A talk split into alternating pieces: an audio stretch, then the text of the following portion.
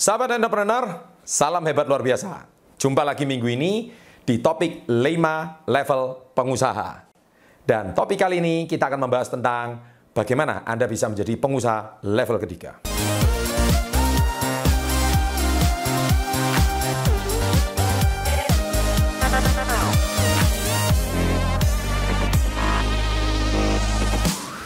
Baik, di video sebelumnya kita tahu sendiri setiap divisi di level kedua itu dipastikan kalau Anda mau menjadi pengusaha yang level berikutnya harus ada.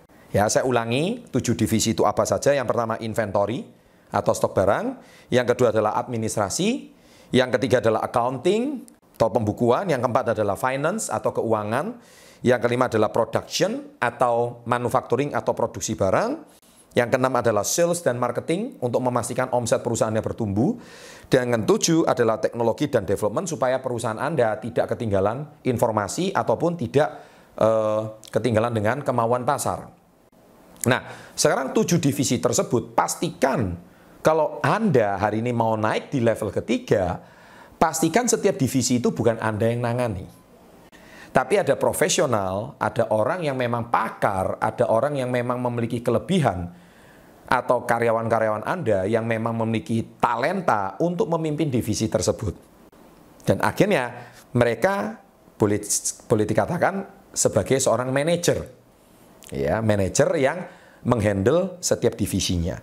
Nah, manajer yang menghandle setiap divisinya, saya pastikan semua manajer itu akan bertanggung jawab dengan Anda. Ya.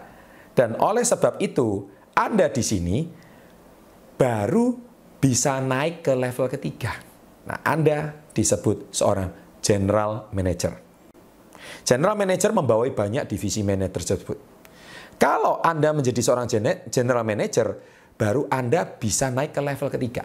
Karena level ketiga itu namanya director. Nah, apa definisi pengusaha level ketiga?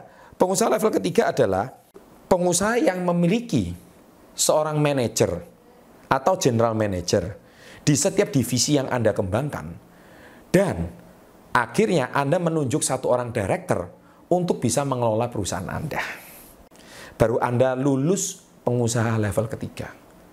Jadi kalau Anda hari ini tidak bisa memiliki seorang director yang menggantikan peran Anda di perusahaan, maka Anda tidak layak lulus di pengusaha level ketiga. Jadi pengusaha level ketiga ini tantangannya cukup berat. Karena harus memiliki orang kepercayaan yang tingkat tinggi. Itu namanya director yang menggantikan peran Anda.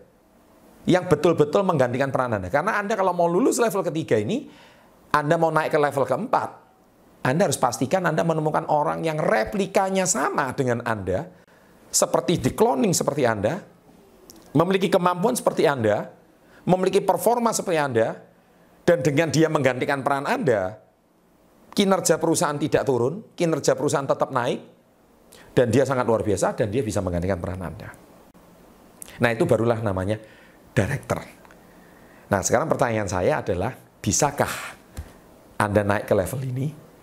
Mungkin Anda berpikir, aduh, level kedua aja udah berat. Ya, jangankan divisi, saya aja, jangankan divisi karyawan aja udah keluar masuk. Bagaimana hari ini saya bisa punya divisi yang punya karyawan yang setia? Tidak gampang bukan? Ya, jadi memang level ketiga ini betul-betul satu tantangan yang sangat berat. Terus terang, pengusaha kelas dunia sekalipun banyak jatuh dan gagal di level ketiga ini. Karena sering kali ketika Anda sudah menunjuk satu orang untuk menggantikan peran Anda di level ketiga, akhirnya perusahaan ini dalam waktu beberapa bulan malah kinerjanya menurun. Akhirnya termasuk terpaksa pemilik yang lama, pemilik perusahaan yang lama akhirnya terlibat lagi menjadi director. Dia harus ganti orang lagi, ganti orang lagi. Tidak cocok lah, tidak cocok dengan budayanya lah. Dan itu tantangan sangat besar. Dan itu sering saya alami. Dan makanya perusahaan itu ya tidak gampang. Umurnya itu bisa sampai bisa sampai puluhan tahun itu tidak mudah. Karena pengusaha di level ketiga ini yang bisa lulus sampai pengusaha level keempat, itu betul-betul dia harus expert dan dia benar-benar mau naik ke level berikutnya. Dia mau melepas atributnya sebagai seorang director yang menguasai bidang ini. Dan karyawannya atau manajer-manajernya harus rela dipimpin oleh orang lain. Karena tidak mudah loh menggantikan perannya di perusahaan digantikan oleh orang lain yang mungkin secara budaya tidak sama, secara kinerja tidak sama, secara hubungan kedekatan tidak sama, itu betul-betul tidak mudah mau menggantikan level ketiga. Tapi kalau bukan berarti tidak ada, sangat ada. Ya, oleh sebab itu majalah yang sangat rekomendasikan adalah majalah Forbes. Ya, di mana Forbes ini majalah yang sangat terpercaya di Amerika Serikat, di Indonesia juga sudah ada Forbes Indonesia, di mana majalah ini tuh memang khusus mengulas para entrepreneurs, mengulas para pengusaha.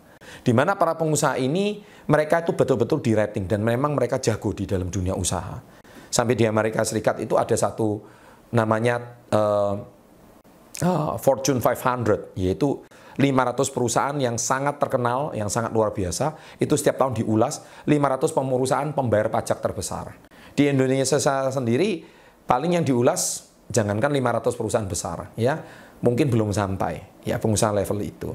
Nah, oleh sebab itu, sahabat entrepreneur, kalau Anda ingin menjadi pengusaha level berikutnya di level keempat, pastikan Anda harus lulus dulu di level ketiga. Nah, sampai di sini tantangannya cukup berat, bukan? Nah, bila Anda hari ini pengen menjadi pengusaha level ketiga, saya punya solusinya sebetulnya. Ya, nah solusinya Anda bisa klik link di bawah ini. Ya, di situ saya akan uh, memberikan salah satu solusi bagaimana Anda bisa menjadi pengusaha level pertama, level kedua, bahkan level ketiga sekalipun. Dan tunggu saya di video berikutnya, yaitu pengusaha level keempat dan level kelima. Sukses untuk Anda, salam hebat luar biasa. Topik minggu ini pasti sudah Anda nanti-nantikan bagaimana Anda bisa menjadi 5 level pengusaha, yaitu berada di pengusaha level keempat.